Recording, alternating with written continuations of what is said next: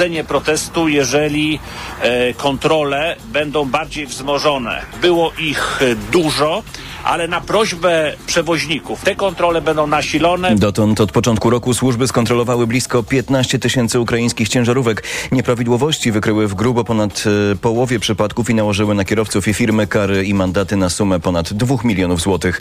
Tomasz Pęskę, TOK FM. Ukraińskie Ministerstwo Infrastruktury poinformowało, że otworzy jutro w poniedziałek przejście graniczne Uchrynów do Uchobyczów dla pustych ciężarówek wyjeżdżających z Ukrainy do Polski. Słuchasz informacji TOK FM. Białostocki samorząd postanowił sam zająć się bezdomnymi kotami. Zamiast zewnętrznych fundacji, którym do tej pory miasto to zlecało, kotami zajmie się teraz schronisko dla zwierząt. Jakub Medek. Kierowniczka schroniska Anna Jaroszewicz podkreśla, by w sprawie bezdomnych kotów nie działać samemu, tylko informować schronisko. Zabezpieczeniem zwierząt zajmą się albo jego pracownicy, albo ekopatrol Straży Miejskiej. Nie wolno przynosić samemu kotów, ponieważ e, często się zdarza, że są przynoszone właśnie do schroniska koty dzikie. E, my tych kotów nie możemy przyjąć, jest to dla nich ogromna krzywda, e, wyłapywanie i umieszczanie w schronisku. Koty są w schronisku badane i jeśli trzeba, leczone i sterylizowane. Potem, tak jak psy, trafiają na listę zwierząt do adopcji. Przez ten miesiąc w ogóle przyjęliśmy 28 kotów, cztery z nich już są oddane do adopcji. Anna Jaroszewicz liczy na to, że niedługo program adopcji kotów zacznie działać równie dobrze jak ten dotyczący psów. Jeden z najlepszych w Polsce. Jakub Medek, TOK FM.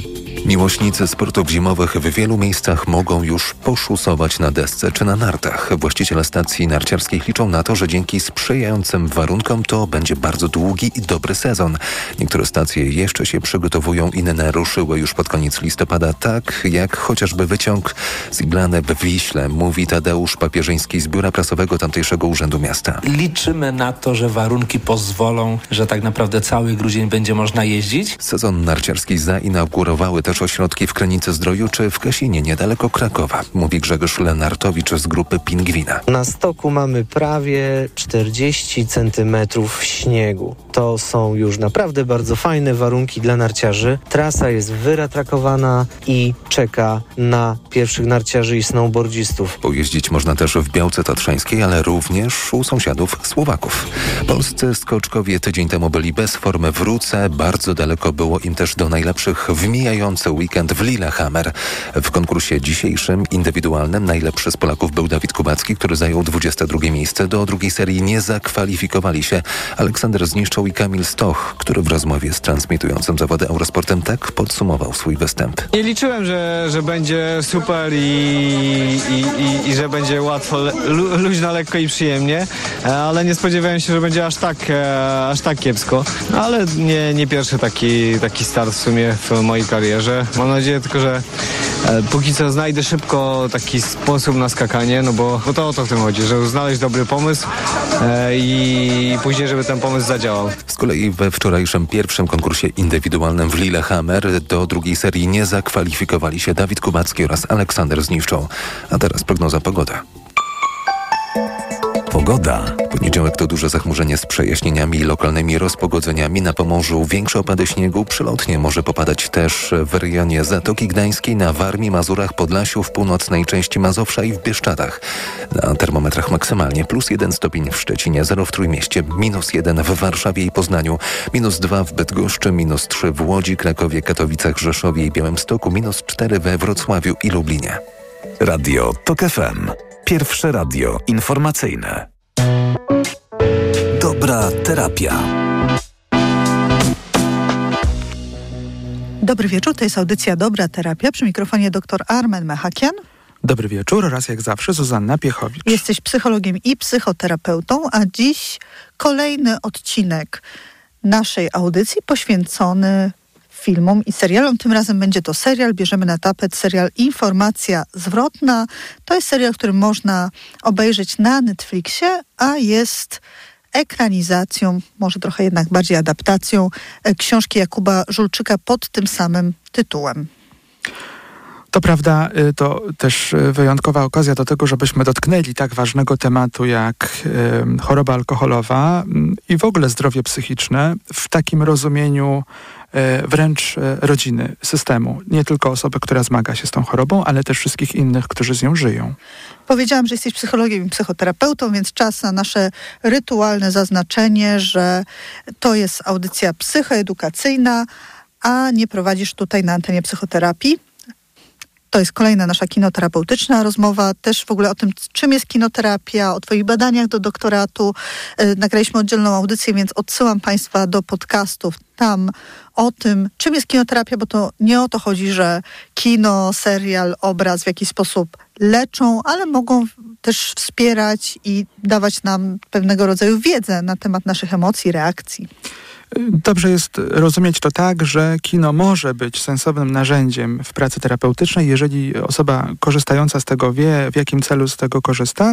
No i nie będziemy dzisiaj rzeczywiście temu poświęcali czasu, ale mówiąc najkrócej, niektóre obrazy, czy filmowe, czy serialowe, wywołują w nas taką mieszankę, charakterystyczną mieszankę emocji, e, która, e, do której zazwyczaj nie dochodzi w trakcie zwyczajnej rozmowy, bo oglądanie takiego miksu, w którym jest obraz, dźwięk, powoduje, że mm, czasami mamy wrażenie, że doświadczamy dokładnie jeszcze raz tego, co na przykład bohater.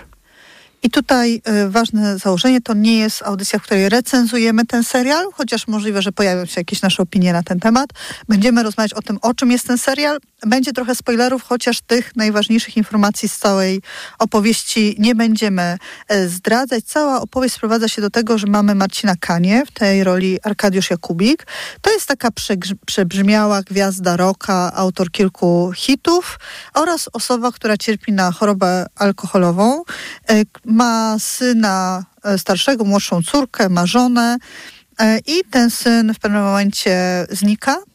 E, Marcin Kania wie, że spotkał się z synem, będąc pod wpływem alkoholu, no będąc bardzo pijanym i próbuje dowiedzieć się, co się z tym synem stało. To, za co ja cenię ten serial, to to, że Arkadiusz Jakubik w tej roli pokazuje ten alkoholizm, który jest taki nieestetyczny, delikatnie mówiąc, a jednocześnie nie jest groteskowy. Czyli w tych scenach, w których on jest pod wpływem alkoholu, Marcin Kania jest pod wpływem alkoholu, jest takim, no użyję tego określenia, proszę tutaj słuchaczy i słuchaczki, żebyście wzięli to w cudzysłów, takim wstrętnym pijakiem, takim obrzydliwym pijakiem, a jednocześnie nie jest to coś, co ma wywoływać naszą salę, salwę śmiechu. To nie jest tak skonstruowane. Czyli widzimy to też jak, z jakim upokorzeniem mierzą się osoby, które chorują na chorobę alkoholową, no i cały ten system rodzinny, który no właściwie, którego centrum jest ta choroba alkoholowa. Poruszałaś bardzo ciekawą y, rzecz y, z mojej perspektywy, mianowicie to, że my się śmiejemy oglądając filmy y, bardzo często. Szczególnie polskie. To jest też polska jakaś e, Wiesz, filozofia, że ten człowiek pijany jest taki właśnie za, zabawny, że jest taki to, niedorzeczny. To jest w ogóle ciekawe i pewnie interesujące byłyby badania dotyczące tego, dlaczego, ile osób i w ogóle. Tak sobie myślę, że różne mogą być powody, dla których tak wybuchamy śmiechem nie, przy niektórych scenach, które nie są w ogóle śmieszne. E, może to jest jakiś rodzaj mechanizmu obronnego z jednej strony, z drugiej strony z całą pewnością kulturowo akurat kwestia alkoholu jest tak bardzo trywializowana przez lata, że, e, że jakby wydaje się, że to jest zabawne. Zobacz, że do niedawna mm, mm, często można było zobaczyć kogoś, kto gra pijanego albo komunikuje się jak człowiek pijany, przedstawiając to w formie e, jakiegoś, jakiegoś żartu. Wciąż to działa, na przykład w polskich kabaretach jest to dość powszechne, że jest y, temat y, takiej osoby pod wpływem alkoholu jako osoby właśnie, z której się śmiejemy, mhm. że, że, to, że to wciąż istnieje. Bo jest to powodowane tym, że jest po prostu bardzo częste zjawisko i ponieważ kabarety najczęściej właśnie biorą pod uwagę, y, biorą na tapet to, co jest na bieżąco, to, co się dzieje, no więc być może dlatego to, to ma miejsce, ale no wyobraźmy sobie, że e, po, podobnie się śmiejemy z, z, z, jakiejś innej niepełnosprawności w jakimś znaczeniu, tak? Z jakiegoś Choroby. innego objawu, Tak. prawda? Mm, y, To, to, to, to jest dość dotkliwe. Czyli to jest jakby jak, taka jedna sprawa, do której jeszcze bym w trakcie tej rozmowy wrócił. Natomiast co do, mm, co do tego... Wiesz co, a ja bym jeszcze dodała, jeżeli pozwolisz, że też fakt, dlaczego się nie śmiejemy z Marcina Kani, jest też związany z tym, jak widzimy cierpienie rodziny, która to obserwuje. Że trudno się śmiać z sytuacji, w której widać, jak zażenowani, w jakim smutku, w jakiej złości są jego żona, szczególnie jego syn, który to nazywa, czy jego córka. I w tej sytuacji trudno jest jednak uznać, że jest to coś zabawnego. No więc podsumowując ten wątek, to wydaje się, że możemy powiedzieć, że ani nie jest to film y, czy serial w, y, wyglądający, tam nie ma takich scen jak w filmie Pod nocnym anioł, aniołem, czyli nie jest to taki bardzo, bardzo mm, tam, tam na przykład mało jest takich scen y, oddziałowych, że tak powiem, takich, że ktoś trafia na przykład y, do, do, do szpitala. Natomiast nie jest to też taki film jak mój ulubiony na Rauszu, czyli taki, który też bardzo dotkliwie pokazuje pro, problem alkoholowy, ale nie dotyczy, tak jakby nie pokazuje ten film alkoholików takich, którzy mm, już, już od lat zmagają się z tą chorobą. To jest ważne, co teraz mówimy, dlatego że ten serial e, właśnie, o którym rozmawiamy, Informacja zwrotna, pokazuje pewne, pewne zjawiska związane z chorobą alkoholową, których bardzo często nie rozumiemy jako obserwatorzy, y, na które się bardzo złościmy, ale też których nie widzą sami y, cierpiący. Mianowicie to, co alkohol robi z mózgiem człowieka i, jak doprowadza do tego, że pewne zjawiska są zupełnie inaczej zapamiętane, a wręcz y, skrajnie przeinaczone. No to trochę tak, jakby y, ktoś mi- miał jakąś taką chorobę, która polega na tym, że zupełnie widzi rzeczy inaczej niż one, one się mają. I to jest ciekawe zjawisko, bo to uderzający sposób pokazuje, nie chcemy tutaj za dużo zdradzać, bo to jest akurat część mm, istoty filmu w moim postrzeganiu. Było to takie szok- szokujące i uderzające. I, I jak bardzo właśnie ta, ta, ta pamięć e, zaczyna szwankować, i wtedy myślę sobie jeszcze bardziej zrozumiałem, e, ponieważ ja nie jestem specjalistą zajmującym się mm, leczeniem osób uzależnionych. Mm, I, i, i, I oglądając ten film, tak zrozumiałem, co to znaczy, że to trzeźwienie ma duże znaczenie, że to, że ktoś nie pije albo przestał pić, albo od kilku dni nie pije, to jeszcze w ogóle nie znaczy, że on jest trzeźwy. Y, Także w tym sensie warto ten film obejrzeć, żeby lepiej zrozumieć istotę choroby alkoholowej. A można go obejrzeć na Netflixie. Tutaj jeszcze ważne zaznaczenie. Powiedziałam, że to jest film, na pod, e, serial na podstawie książki Jakuba Żulczyka pod tym samym tytułem, Informacja zwrotna. Jakub Żulczyk dzieli się w różnych swoich e, książkach czy scenariuszach do różnych seriali e, tym, że sam ma doświadczenie e, uzależnienia, też e, ma bardzo ciekawy podcast Co ćpać po odwyku i e, mówi o tym, że ta książka jest jedną z bardziej osobistych. I ja jeszcze dorzucę, bo w tym serialu jest mniejszy wątek, ale jest wątek też grupy e, i pracy w grupie terapeutycznej. E, w książce jest ona dużo bardziej rozwinięty, ten wątek, bo tam jest taka historia, że e, różne osoby dzielą się tym, czego doświadczają w trzeźwieniu albo w ogóle w chorobie alkoholowej, a inni dają tę tytułową informację zwrotną, takie feedbacki. To jest dużo bardziej rozbudowane w książce. Powiedz mi, na czym polega e, ten mechanizm? Czy ty go znasz, czy pracowałeś kiedyś też w takiej grupie, e, takiej grupie terapeutycznej? Wiesz, naj, najkrócej mówiąc, że, yy, w w ogóle trzeba zacząć od tego, że taka grupa ma szalenie istotne znaczenie. To znaczy dla osoby yy, rzeczywiście poważnie rozważającej wyjście z problemu alkoholowego, to po pierwsze rzeczywiście praca z osobą, która specjalizuje się w uzależnieniach, a po drugie praca w grupie. I teraz ta praca w grupie jest tak istotna, że yy, tam w tej grupie y, ci ludzie y, zmagający się z tym samym problemem, mający przeróżne doświadczenia z tym związane, po prostu mówią, co myślą. Więc one spełniają taką funkcję lustra. Czyli osoba zainteresowana w grupie mówi o tym, co doświad czego doświadcza. Najczęściej, mm, no to jest też niestety charakterystyczna część y, e, zdrowienia czy, czy procesu leczenia, że mm, osoba zmagająca się z problemem bardzo mm, specyficzny sposób przedstawia pewne informacje, y, stara się łagodzić pewne rzeczy, stawia siebie w, bardziej pozytywnym świetle, częściej y, mm, wynajduje w tych historiach na przykład jakiś problem odpowiedzialnego zewnętrznego, odpowiedzialnego za ten problem, jakiegoś winnego i tak dalej. Czy to jest świadome działanie, mechanizm obronny, jak ty to tłumaczysz? I myślę, że to najlepiej będzie widoczne w filmie. To bardzo ciekawe jest. No to jest na pewno mechanizm obronny, ale nie, nie chciałbym odpowiedzieć tak kategorycznie, czy to jest świadome działanie, czy to nie jest świadome działanie. Może to na przykład Państwa zachęci do tego, żebyście obejrzeli, bo akurat to można zobaczyć, w, oglądając do końca ten serial. Słowem, niezwykle istotne jest w ogóle w pracy grupowej. Jestem dużym fanem pracy grupowej, ponieważ w przeciwieństwie do specjalistów, którzy prowadzą tę pracę grupową, to znaczy te, te, te grupy terapeutyczne, bo zazwyczaj ktoś prowadzi oczywiście, jest, jest program, przygotowany jest przygotowany, tego. ale też jest program, jakby wiadomo, co tam się dzieje. Natomiast reszta uczestników to są przedstawiciele, że tak powiem, świata zewnętrznego, to znaczy tacy jak my, mający różne problemy i oni nie są specjalistami, oni są również pacjentami. I mają też doświadczenie jakiegoś uzależnienia, bo są w tej grupie. Akurat w grupie, y, która dotyczy uzależnień, tak, ale w ogóle grupy terapeutyczne mogą dotyczyć różnych y, obszarów. To znaczy praca w grupie terapeutycznej jest niezwykle ważna i ogromnie zachęcam Państwa do tego, żebyście rozważyli taką formę y, terapeutyczną, takiego oddziaływania terapeutycznego, niekoniecznie w kontekście pracy z uzależnieniem, ale w ogóle jako rodzaj psychoterapii.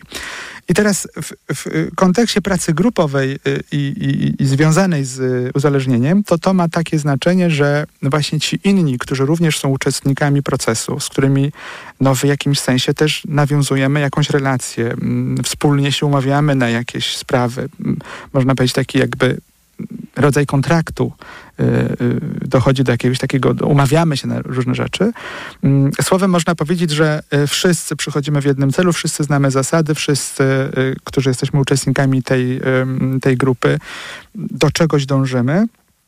No i moc, jaka, jaka się kryje za tą informacją zwrotną, czyli jak ktoś, kto nie jest terapeutą właśnie, nie, nie, nie mówi tego w, w jakiś sposób y, mając na myśli jakąś konkretną technikę terapeutyczną. Albo jakiś cel terapeutyczny, tak. mówi to po coś bardzo jasno. Bo, bo, jeszcze, jeszcze może wyjaśniając wyraźniej, o co chodzi w grupach terapeutycznych i w ogóle w psychoterapii. Dobrze jest, żebyśmy zrozumieli, że w psychoterapii no chodzi o to, żeby była zmiana. To jest dość istotne. proces psychoterapeutyczny ma e, nieść za sobą zmianę, która powoduje, spowoduje, że człowiekowi się będzie lepiej żyło, zakładamy, po psychoterapii niż mu się żyło przed. No i Niekoniecznie w trakcie, bo też psychoterapię, tak. bo to jest ważne założenie, my rzadko też tutaj to podkreślamy, ale psychoterapia może być też bolesnym procesem. Bo jest procesem, czyli, ale zasadniczo rzeczywiście celem tego procesu ma być to, żeby nam się lepiej żyło. I teraz Chodzi o to, że mm, żeby to było możliwe, to niejednokrotnie potrzebujemy, i to jest najważniejsza sprawa, do której dochodzi w procesie terapeutycznym, potrzebujemy relacji. Ta relacja zawiązuje się w procesie indywidualnej terapii z terapeutą. Terapeuta e, wchodzi z nami w jakąś relację i ta relacja ma ogromną moc oddziaływania. Dzięki tej relacji naprawdę dużo dobrego się i złego może zadziać. W związku z tym ta relacja ma szalenie istotne znaczenie. To teraz wyobraźmy sobie, że w procesie grupowym czyli takiej terapii grupowej, gdzie również chodzi o zmianę zasadniczo, wchodzimy w relacje z y, większą ilością osób, z tymi innymi osobami w tej grupie. W takim znaczeniu wchodzimy w relacje, że one no, udzielają nam informacji zwrotnej na temat tego, jak się czują z tym, co usłyszeli, e, co im przychodzi do głowy, jak co oni to myślą. rozumieją, co myślą, jak to oceniają. Wiesz, to, to jest w ogóle bardzo ciekawe. Więc trochę tak, jakbyśmy mieli możliwość przyglądania się w kilku lustrach mm, y, po, w oczach tych ludzi, którzy również są uczestnikami. I jeszcze jedno zdanie dotyczące tego celu terapeutycznego, w ogóle zarówno indywidualnego, jak i grupowego. Chodzi o to, żeby ta relacja, która jest w jakimś sensie konieczna do tego, żeby pomóc y, pacjentowi, y, ale to jest jakiś proces przejściowy. Celem terapii nie jest to, żeby pacjent z terapeutą był w dobrej relacji i żeby y, czuł się dobrze w grupie terapeutycznej albo na przykład z terapeutą, tylko zasadniczy cel procesu jest to, żeby on się mógł czuć dobrze i lepiej funkcjonować w świecie, w którym żyje, z innymi ludźmi.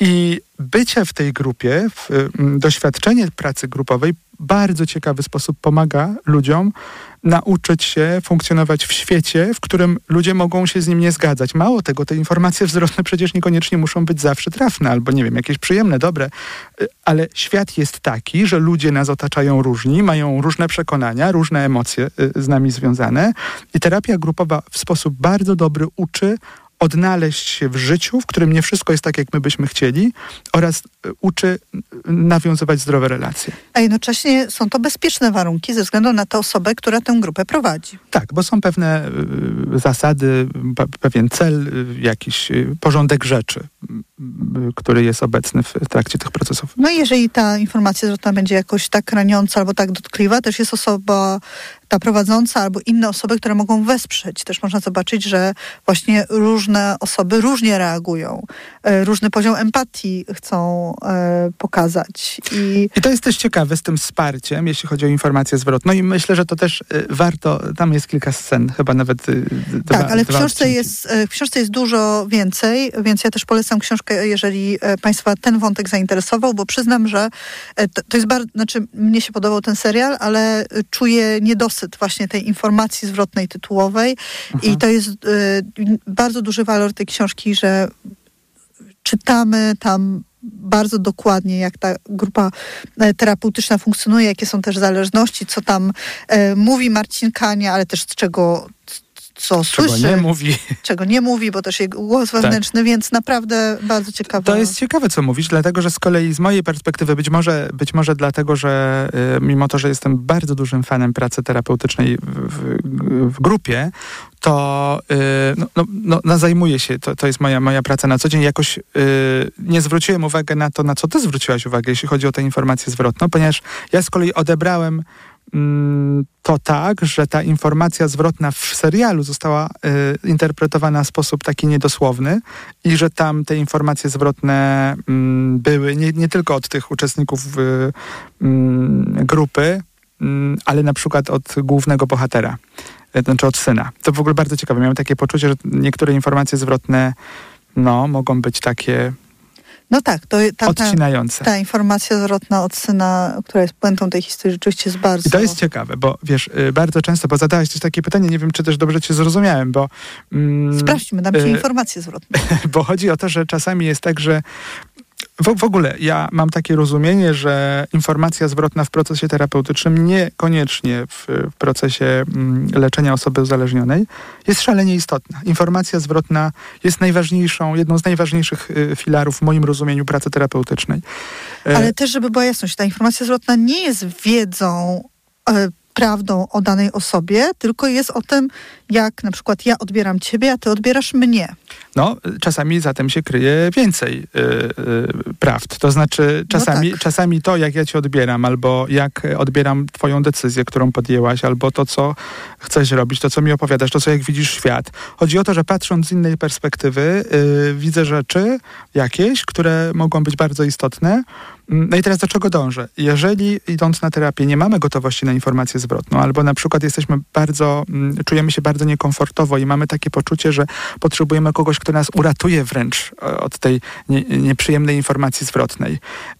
Um, nie, teraz tak waham się, o ile zdradzę, co się tam dzieje w filmie, y, a jednak chciałbym istotną rzecz powiedzieć. Słowem, czasami mm, y, oglądając film, na pewno będziemy wstrząśnięci tym, tym właśnie, co się, ta, ta, ta taką najważniejszą, puentą. tak, tą puentą. I teraz zobacz, gdyby e, ktoś usłyszał informację zwrotną wcześniej, przed tym, co się wydarzyło. Taką informację zwrotną mówiącą, to co ty robisz może doprowadzić do tego i do tego, albo to, co twoje dziecko mówi, to coś tam, coś tam, nie?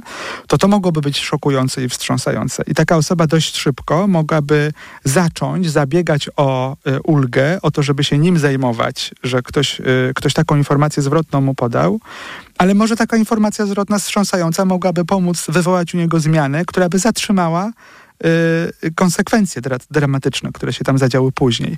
Słowem, y, w informacji zwrotnej chodzi o to, że y, informacja zwrotna niezwykle często boli. I jeżeli my idziemy na terapię, w, takim nastawieniu, na przykład szczególnie w terapii grupowej. No bo tam, tak jak powiedzieliśmy, y, są inni uczestnicy i oni nie mają y, przygotowania takiego terapeutycznego. Tak, oni mówią jak uczestnicy grupy. Więc czasami informacja zwrotna bardzo boli i jeżeli widzimy u siebie taką tendencję, że bardzo byśmy chcieli, wtedy podnosimy wrzawę i prosimy o łagodzenie tej informacji zwrotnej, bo poczuliśmy się nieprzyjemnie zaatakowani, no to jest już coś na rzeczy. To wtedy warto się zastanowić, dlaczego tak jest, że ja odczuwam tak silne, e, silny ból emocjonalny, kiedy jest jakaś informacja zwrotna.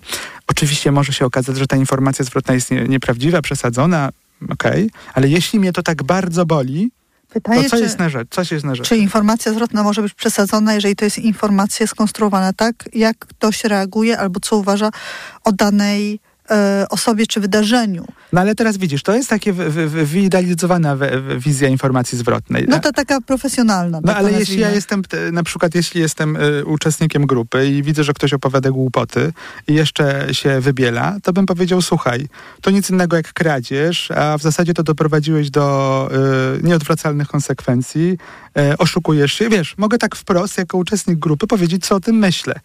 E, mogę I ocenić. Jest, I to jest prawda, co o tym myślisz. No właśnie, ale teraz chodzi o to, że mm, informacja zwrotna, którą mm, ktoś y, w, w, w, grupie terapeutycznej otrzymuje, mm, to jest informacja zwrotna, która może zaboleć, której może być jakaś przesada, co, y, y, jakby która mogłaby być w innej formie, innymi słowami przekazana. Wszystko jest możliwe.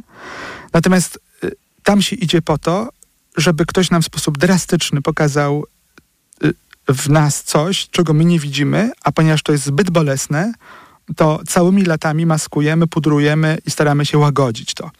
I, i tak też jest w procesie psychoterapii indywidualnej, że, że ogromnie często tym momentem kulminacyjnym w, w procesie mm, zdrowienia jest, e, jest dostrzeżenie tego, czego my nie widzieliśmy przez całe życie. Rzecz jasna, w sposób, jaki terapeuta to robi, ma duże znaczenie, ale w zasadzie nie jest możliwe, żeby można było uniknąć tego bólu powodowanego tą informacją zwrotną, no bo jak tego bólu nie ma, to znaczy, że nie było informacji zwrotnej. Nie zobaczyliśmy tego, czego nie chcieliśmy zobaczyć. To jest trochę o tym zdrowieniu, prawda? Że często proces zdrowienia, również tego fizycznego, wiąże się z jakimś e, tak, bólem. Tak, tak z jakąś operacją czasami, nie? Tak. Y, I, I to znowu, można przeprowadzić operację i trzeba za znieczuleniem, jeśli to jest profesjonalny szpital, ale czasami nie da się tego uniknąć. To znaczy po prostu trzeba przeprowadzić pewne cięcie, bo w przeciwnym wypadku nie, nie dojdzie do zdrowienia. I bardzo ciekawym zjawiskiem nie tylko osób uzależnionych, bo y, my ten wątek jeszcze będziemy y, rozwijali, ale no z jakiegoś powodu zazwyczaj dochodzi do uzależnienia i u tego bohatera też jest to widoczne. Zresztą przy tej okazji polecamy rozmowę y, w, w, podcastach Dobrej Terapii z autorką książki e, Mireczek. Tak, Aleksandra Zbroja napisała książkę Mireczek o swoim ojcu, który cierpiał na chorobę alkoholową i którego bardzo słabo też znała. I to jest bardzo, to była książka, która zrobiła na mnie bardzo duże wrażenie, ponieważ ona się zaczyna od perspektywy osoby cierpiącej yy, ze względu na bycie w rodzinie alkoholowej, a można powiedzieć kończy się takim zrozumieniem dla, dla ofiary choroby alkoholowej, czyli też te powody, dla którego często ktoś sięga po alkohol jest, są, są istotne. Słowem... Ale wiesz, to jest tutaj, to jest wielopoziomowe, bo mamy tak, chorobę alkoholową i empatię wobec osoby, która cierpi na chorobę alkoholową z jednej strony, a z drugiej strony istnieje taka część odpowiedzialności, czyli, i to bardzo wyraźnie tutaj widać w informacji zwrotnej, że Marcin Kania z jakiegoś powodu nie słucha nie słyszy rodziny, która mówi, że on ma problem, że ma się leczyć i decyduje się nie leczyć.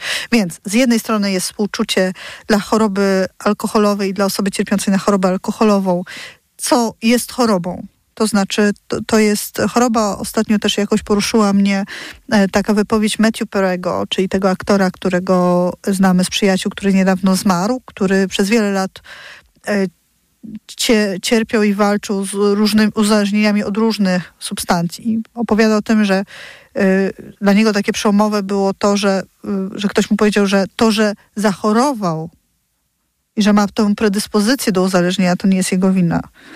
I jakby to jest prawda, ale mamy bardzo dużą część odpowiedzialności, czyli to, że na przykład zachorujemy na, nie wiem, nowotwór, nie musi być na, naszą winą. Możemy tak prowadzi swoje życie, że że nie wiem, palić papierosy i robić różne takie rzeczy, które mogą do tego doprowadzić, ale to, czy się leczymy, czy podejmujemy działania, czy próbujemy z tego wyjść, to już jest nasza odpowiedzialność.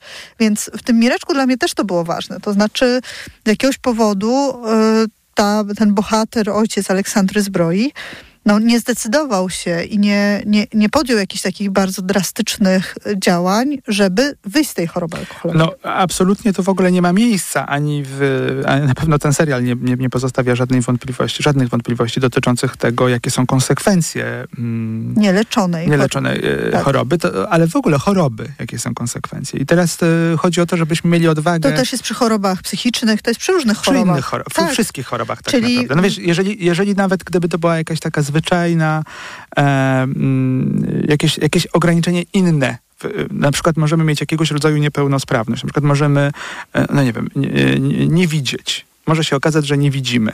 I teraz gdybyśmy y, wmawiali sobie, że to jest nieprawda, że my widzimy, i w związku z tym na przykład będziemy funkcjonowali tak, że będziemy wykonywali operacje jako lekarze. Nie będziemy, będziemy chodzić z laską, tak, i, i, i będziemy prowadzić prostu... samochód. Tak. tak to czyli... jesteśmy zagrożeniem dla siebie i dla innych. Czyli może się okazać, że ten fakt, że my nie bierzemy odpowiedzialności za to, się, za, co, za to co się z nami dzieje, może być skrajnie groźny dla innych. Natomiast ja mówiąc o tym, o, o tym, że również jest jakiś powód, dla którego mm, osoba pijąca pije. Miałem w ogóle co innego na myśli, bo absolutnie jestem bardzo dużym przeciwnikiem usprawiedliwienia y, choroby, kto, za którą ktoś nie bierze odpowiedzialności i nie mówi, że muszę się lecz, leczyć. I, I tutaj jeszcze polecę inną rozmowę, bo rozmawialiśmy kiedyś o normalizacji zdrowia psychicznego i że z tej normalizacji wynika też to, że depresję traktujemy jak cukrzycę, czyli jeżeli ktoś nie leczy cukrzycy i nie szuka pomocy, to nie znaczy, że mamy całe środowisko środowisko dostosować do tego, że on nie leczy tej cukrzycy. I też na przykład unikać... Podmijmy słowo cukrzyca, depresja. Tak, i unikać określeń, które by mogły mu y, przypominać, że jest chory i żeby czasami się nie poczuł niekomfortowo, prawda? Więc nie będziemy tak. mówili, że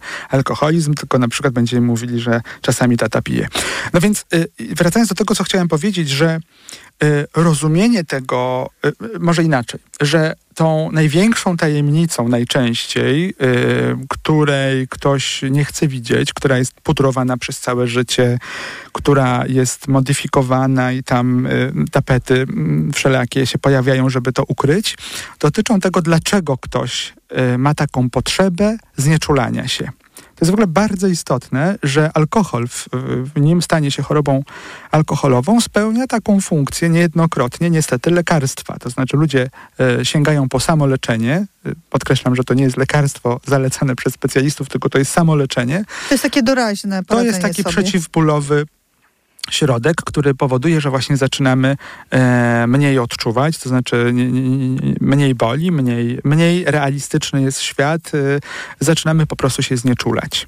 Lepiej I, się czujemy sami ze sobą, wydaje nam się, że jesteśmy tacy właśnie, wszystko możemy. I to z kolei pięknie, ten proces z kolei, ten początkowy proces, który powoduje, że zaczynamy sięgać po alkohol, jest przepięknie pokazany w, w filmie Na Rauszu. Bardzo też Państwu ten film polecamy, bo serial z kolei pokazuje już o kilka kroków dalej. Tak, y, myślę, że kiedyś musimy zrobić rozmowę o Narauszu, ale wiesz, jeszcze y, te kilka kroków dalej y, też informacja zwrotna pokazuje bohatera, który jest bogaty, który jest rozpoznawalny i osiągnął sukces, który wydaje się taki bardzo dobrze funkcjonujący. No tam w, w, przynajmniej w serialu, bo jak książki nie przeczytałem, jest też informacja o tym, że on jest jakby w procesie takim prywatnym, to znaczy to nie... nie, tak, nie to jest grupa nie, prywatna. Tak. Chociaż chciałam powiedzieć, że jeżeli chodzi o leczenie E, uzależnień w Polsce, to mamy bardzo rozbudowaną sieć e, wsparcia osób uzależnionych i ich rodzin, więc też e, tutaj, jeżeli... Łącznie z dostępnością. Tak, tak, tak, tak, tak, tak, że tutaj ten aspekt zdrowia psychicznego i dobrostanu jest dobrze w Polsce obstawiony, więc jeżeli... Myślimy tutaj o procesach na NFZ, czyli jakby tak, można... darmowych. Tak. Mhm. Więc też będą numery i miejsca, gdzie można szukać tej pomocy, więc jeżeli ktoś z Państwa albo z Państwa bliskich mierzy się z taką, z takim, z taką taką, z takim problemem, albo osoby które, które są uzależnione albo bliscy uzależnionych, to, to, to można szukać e, pomocy i to naprawdę w miastach powiatowych też są miejsca. No więc e, ten wątek, który dotyczył tego, czym jest informacja zwrotna, mm, mam wrażenie, że poruszyliśmy w wyczerpujący sposób.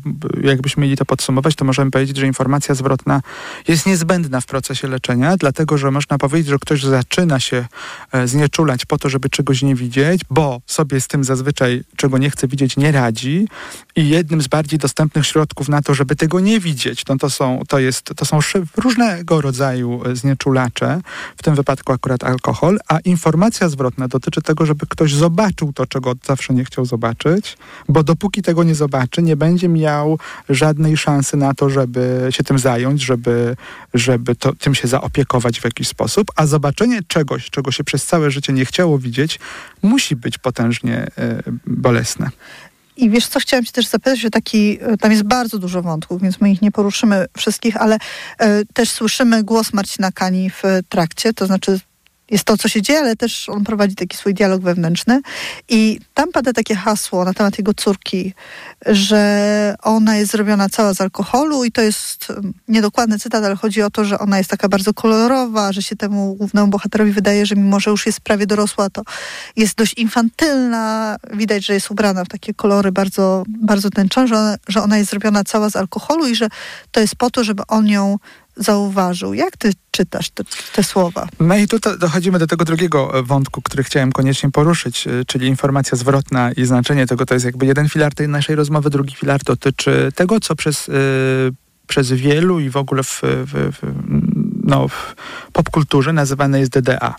Czyli... E... Też mamy oddzielną rozmowę, dlaczego mówisz w popkulturze, a nie w psychoterapii, więc o cały odcinek od Tak, to znaczy tam mówimy, rzecz jasna w psychoterapii, w różnych klinikach również e, różne osoby e, przytomne zajmujące się e, problematyką alkoholu w rodzinie też korzystają często z tego określenia, więc ja nie chciałbym tego jakoś dewaluować, natomiast chciałbym wyczulić Państwa na to, że no nie jest to żadna jednostka klasyfikacyjna, nie jest to żadne naukowe określenie, Nie które... ma tego wice D11 na przykład. Tak. I, I, teraz dlaczego to jest ważne? I teraz chodzi o to, że takie rozumienie tego, czym jest, yy, może wyjaśnimy jeszcze tak króciutko, co to znaczy DDA dla tych z Państwa, którzy mogą nie wiedzieć. To znaczy yy, dysfunkcyjne... Yy, dorosłe, dorosłe... Dzieci, dzieci alkoholików, często teraz mówimy DDD, czyli dorosłe dzieci z dysfunkcyjnych rodzin. rodzin. Dokładnie tak. Czyli y, y, założenie tego jest takie, że dzieci wychowane w domach alkoholowych y, mają taki zestaw problemów, z którymi się potem w dorosłym życiu zmagają i przychodzą do gabinetów z tymi problemami. I teraz rzecz jasna, mówiąc w sposób bardzo ogólny i patrząc też na to, co się dzieje w tym naszym serialu, no możemy powiedzieć, że no to jest oczywiste, że mają problemy dzieci wynikające z, z tego, że jeden z rodziców był alkoholikiem. A tu znowu jakby pojawia się cała masa różnych e, do, dodatkowych warstw, no bo to wszystko zależy od tego, czy tylko ojciec pił, czy tylko matka, czy, e, czy na przykład jedno z rodziców nie piło, bo w wypadku Aleksandry Zbroi tam rodzice pili wspólnie. E, tak, ale też wychowywali ją dziadkowie i to oni funkcjonowali trochę jak rodzice. Wtedy, więc... kiedy można było, bo co jakiś tak. czas ona była, wracała do, tych rodzin, do tej rodziny, gdzie się działy te rzeczy. W sensie, że każda ta historia ma swoje podobieństwa, ale jest też bardzo różna. To też widać w książce Dom w butelce Agnieszki Jucewicz i Magdaleny Kicińskiej. Też mamy rozmowę z Agnieszką Jucewicz na ten temat, też odsyłamy Więc do podcastów. Chodzi o to, że takie uogólnienie dotyczące tego, że jeżeli w naszym domu się piło, to to znaczy, że my mamy objawy tegoż to słynnego y, DDA, byłoby bardzo y, płytkie i nieprofesjonalne. Chodzi o to, że no, gdybyśmy zbadali społeczeństwo polskie, to mogłoby się okazać, że w zależności tam od okresu, który byśmy zbadali, to większość osób wywodzi się z rodzin, w których się piło.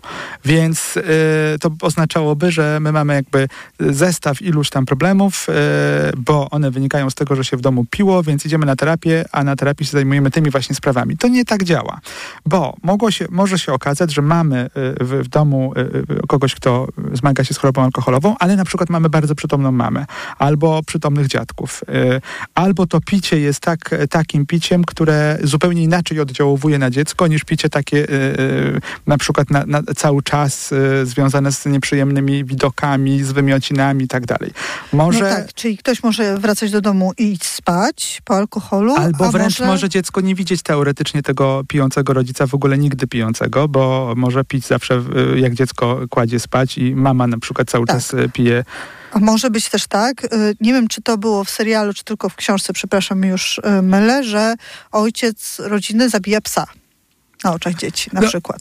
Więc różne, różne rzeczy się mogą zadziać i, i dlatego Niedobrze by było, żebyśmy myśląc o procesie terapeutycznym y, samodiagnozowali się i uznali, że mamy jakąś taką etykietę przyklejoną na siebie, że ponieważ w naszym domu ktoś pił, to znaczy, że mamy te objawy DDA. Zresztą nie po to one zostały, y, że tak powiem, na początku y, spisane. Na początku chodziło o to, że po prostu badacze, osoby, które zajmowały się leczeniem osób z rodzin alkoholowych, zauważyły, że u tych osób występują bardzo podobne cechy, czy podobne sposoby radzenia sobie z trudnościami. Ale też można by było pod alkohol dać jakiekolwiek inne uzależnienie, można by było dać na przykład nieleczoną chorobę psychiczną, można by dodać przemoc, można by było dodać wiele innych rzeczy, Ale... dlatego jest to DDD, które rozszerza trochę, że, że to, że pochodzimy z domu, w którym nie było stabilnych dorosłych na przykład, ma konsekwencje dla dorosłego życia.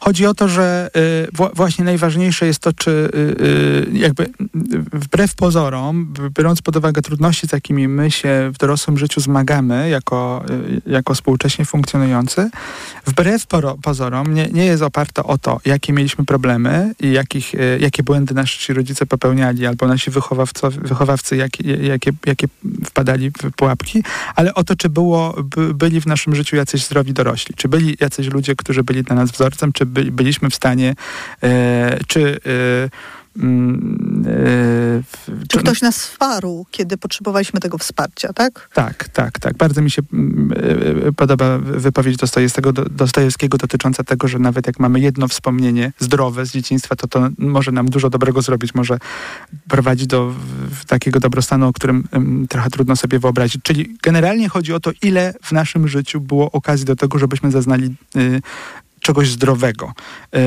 I i bez względu na to, w jaki sposób nasz rodzic pił, w zależności od tego, w jakim domu się wychowaliśmy, ale też mieliśmy, jakich innych zdrowych wokół siebie mieliśmy, mogły się u nas ukształtować pewne cechy osobowości mające istotny wpływ na nasze funkcjonowanie. I wracając do tej córki, to to jest tak, że rzeczywiście u tej córki widać pewne cechy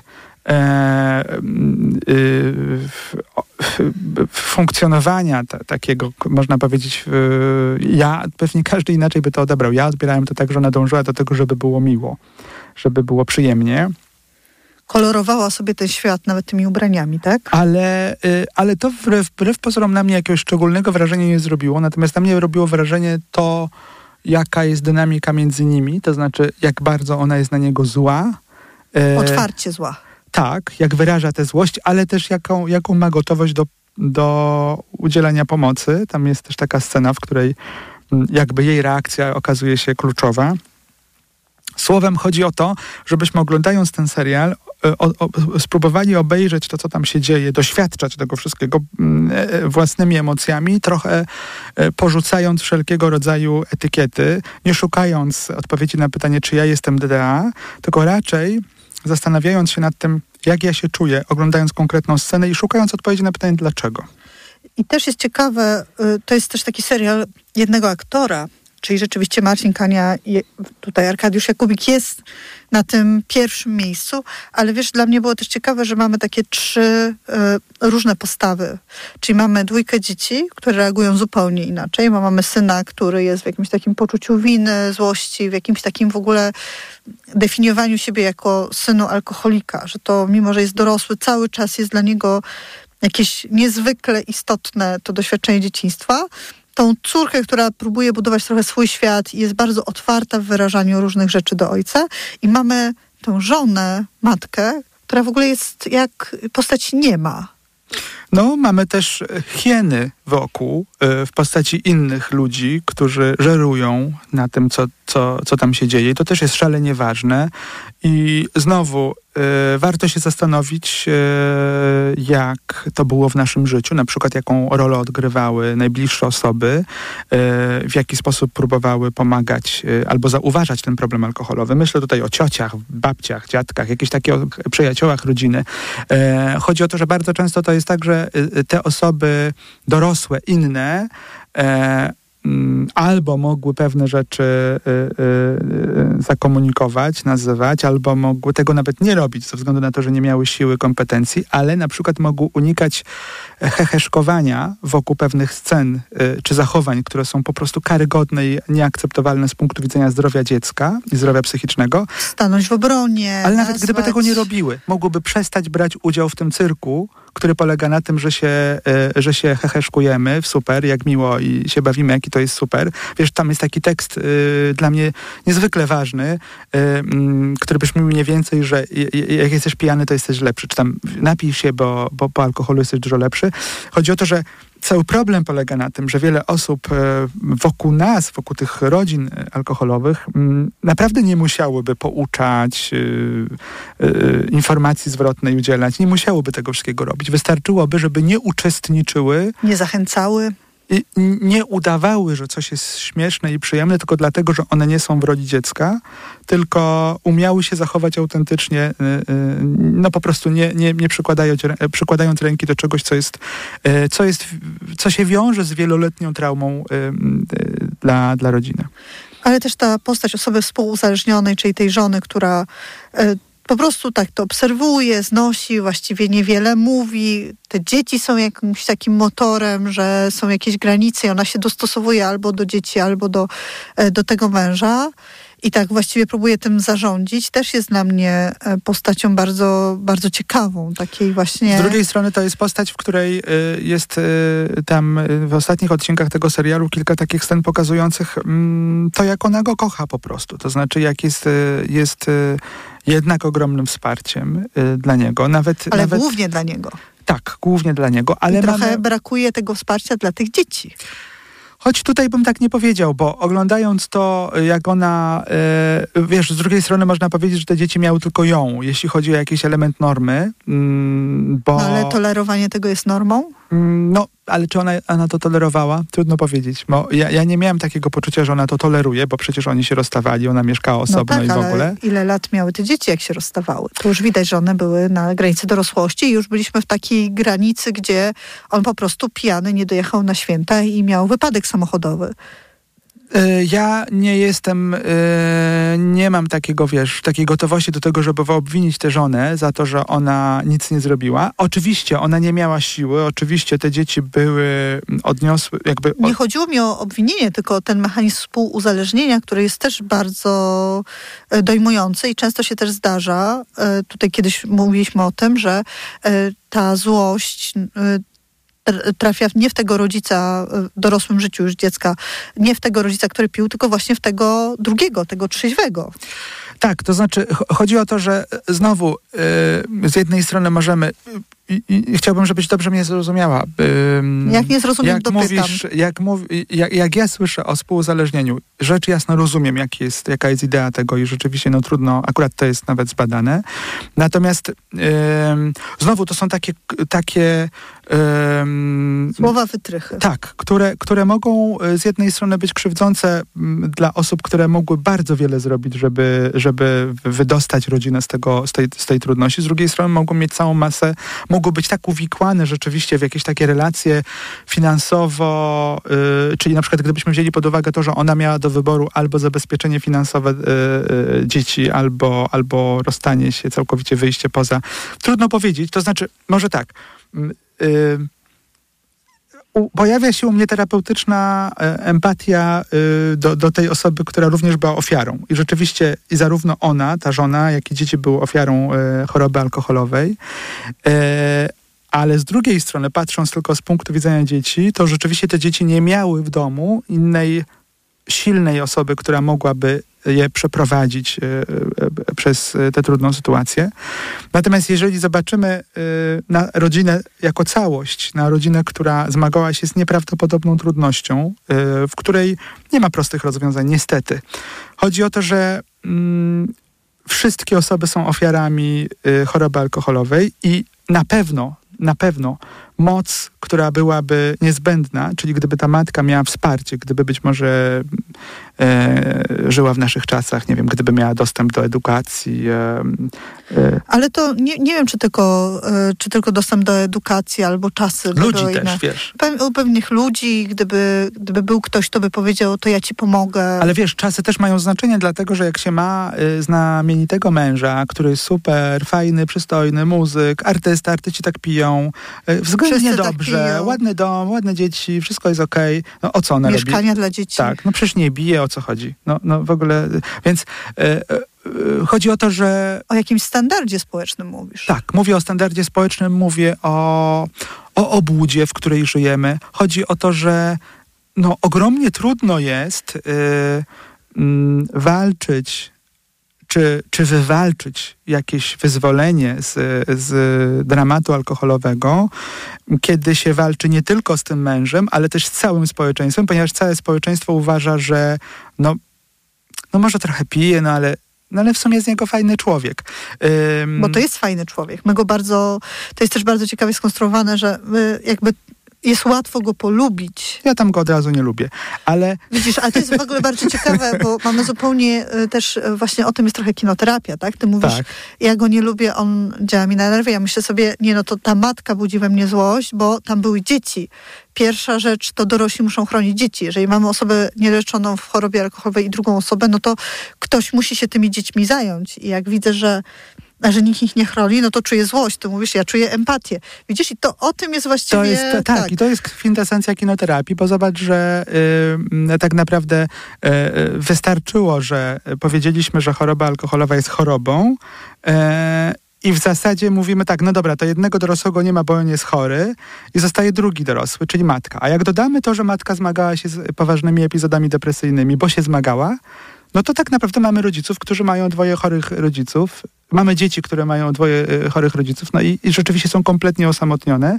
I o tym jest ta historia. Czyli tak naprawdę chodzi o to, że chcielibyśmy Państwa zostawić z takim, yy, z takim przesłaniem, żebyście obejrzeli ten film, zobaczyli, przyjrzyli się temu, co czujecie i, yy, i dążyli do tego, żeby bez etykietowania zastanowić się, w jakim obszarze potrzebujecie mocy, wzmocnienia i jakie są obszary, które, których nie chcecie nawet widzieć, no bo im dłużej będziemy pudrować pewne rzeczy w naszym życiu, tym z większym rozmachem one wybuchną w najmniej oczekiwanym momencie.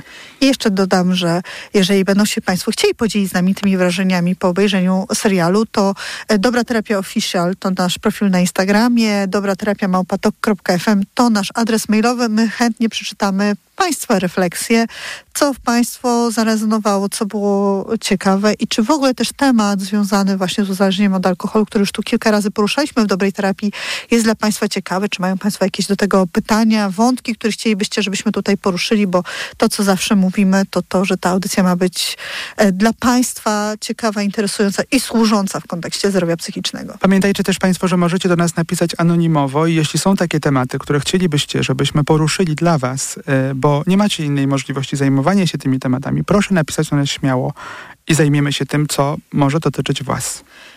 Przypomnę też, że w opisie do tego podcastu będą adresy miejsc, gdzie można zgłosić się po pomoc, jeżeli mierzą się Państwo z uzależnieniem, albo jeżeli Państwa bliscy mierzą się e, z uzależnieniem.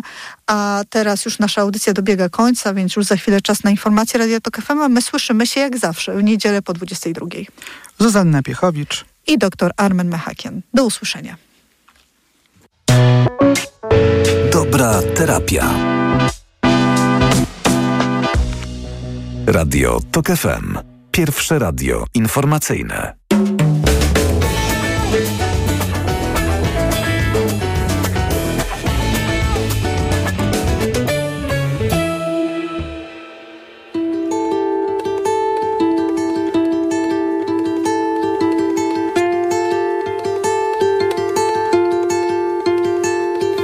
Nim przestał